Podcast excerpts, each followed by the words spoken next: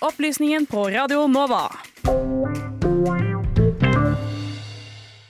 Det stemmer, du hører på Opplysningen her på Radio Nova. Og vi skal faktisk en liten tur tilbake til USA. Og til vår alles favorittkanal Fox News. Ser du mye på Fox News, Emma? Um, bare når det dukker opp sånn uh, sånne rare klipp på TikTok, kanskje. Ja. Uh, ikke der jeg henter hovedmengden med nyheter. Tror jeg ikke. Nei. det er heller ikke der jeg henter uh, mine fakta. men det er underholdende allikevel, og en av de store underholdningsstjernene, Tucker Carlson, har plutselig forsvunnet fra skjermen. og hvor han har blitt av, det skal du få høre nå. Mandag var det man trygt kan kalle en hendelsesrik dag i den amerikanske medieverden. Hos Fox News ble det klart i en kunngjøring fra ledelsen at den konservative talkshow-verten Tucker Carlson skiller lag med kanalen som har vært hans hjem siden 2009. I sin siste sending på fredag antydet han til fred og ingen fare. And we'll be back on Monday. In the meantime, have the best weekend with the ones that you love, and we'll see you then. Men Tucker kom aldri tilbake på jobb den mandagen. Nå er han altså erstattet med et roterende persongalleri fra Fox News. Men som Fox News' desidert største og mest kjente ansikt, har Tucker Carlsons konfronterende kulturkonservative stil gjort ham til et velkjent varemerke også på denne siden av Atlanteren. I liberale sirkler ble nyheten om hans avskjed i all hovedsak møtt med lettelse. It's oh so good, Tucker Carlson, you fucking bozo ass subliminal bullshit artist. You're a fucking bullshit artist.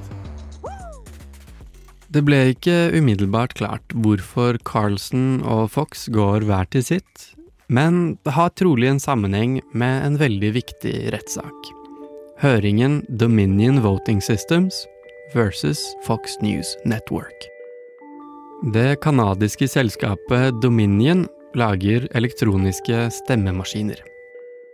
Etter Donald Trumps nederlag og stormingen av Kongressen tok Dominion altså Fox News til retten for falske og injurierende anklager om deres påståtte rolle i det påståtte valgfusket.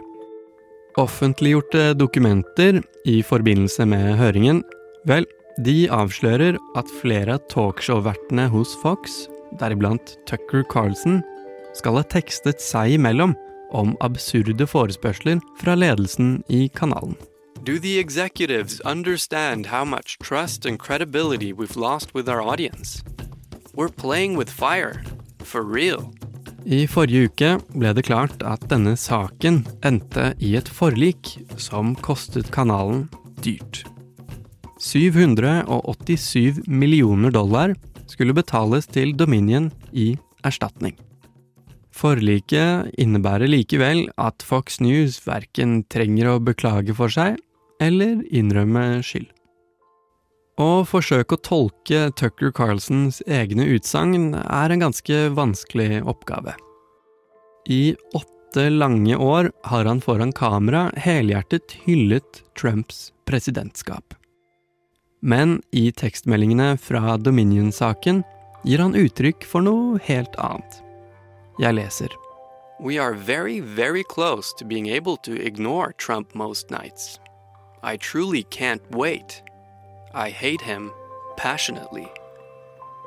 Langvarige, trofaste følgere av Carlsen oppfordrer til en boikott av Fox News og deres abonnementssystem.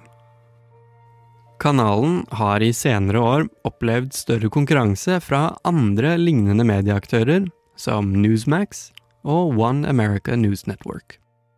Alle forsøker å kapre sin del av det konservative nyhetsmarkedet og tiltrekke flest mulig seere fra den nå ganske løst definerte Make America Great Again-bevegelsen.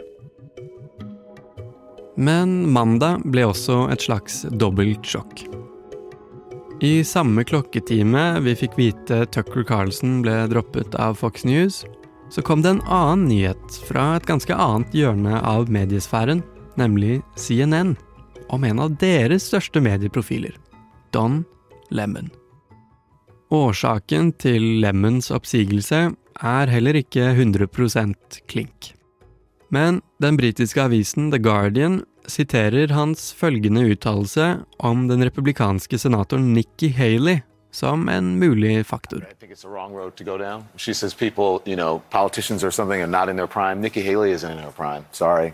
A woman is considered to be in her prime in her 20s and 30s and maybe 40s. What are you that's talking? Wait, uh, that's not according to me. Prime so for what? It depends. I mean, it's just like prime. If you look it up, it'll if you look, if you Google when is a woman in her prime, it'll say 20s, 30s, and 40s. I don't necessarily. 40s. Oh, I got another I'm not saying decade. I agree with that. So I think Men hos CNN og med Don Lemon er også det fulle bildet litt uklart.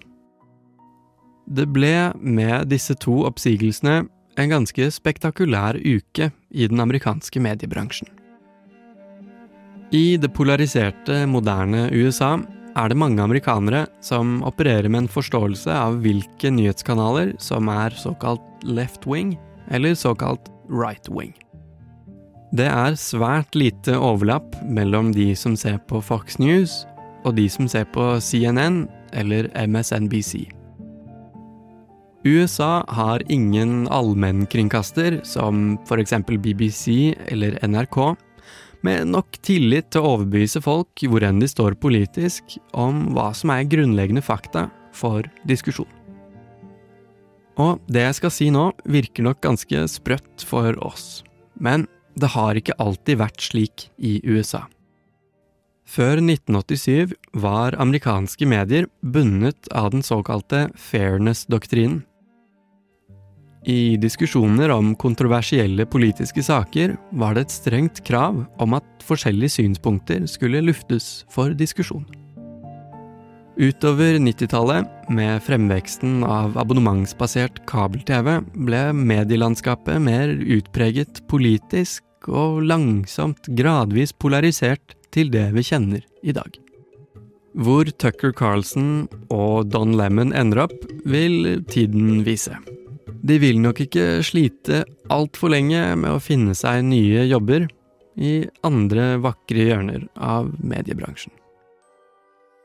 Hvis du, i likhet med meg, syns det amerikanske nyhetsklimaet kan være ufattelig slitsomt og altoppslukende, ja, da har vi kanskje god grunn til å være glade for å bo i kjedelige Norge.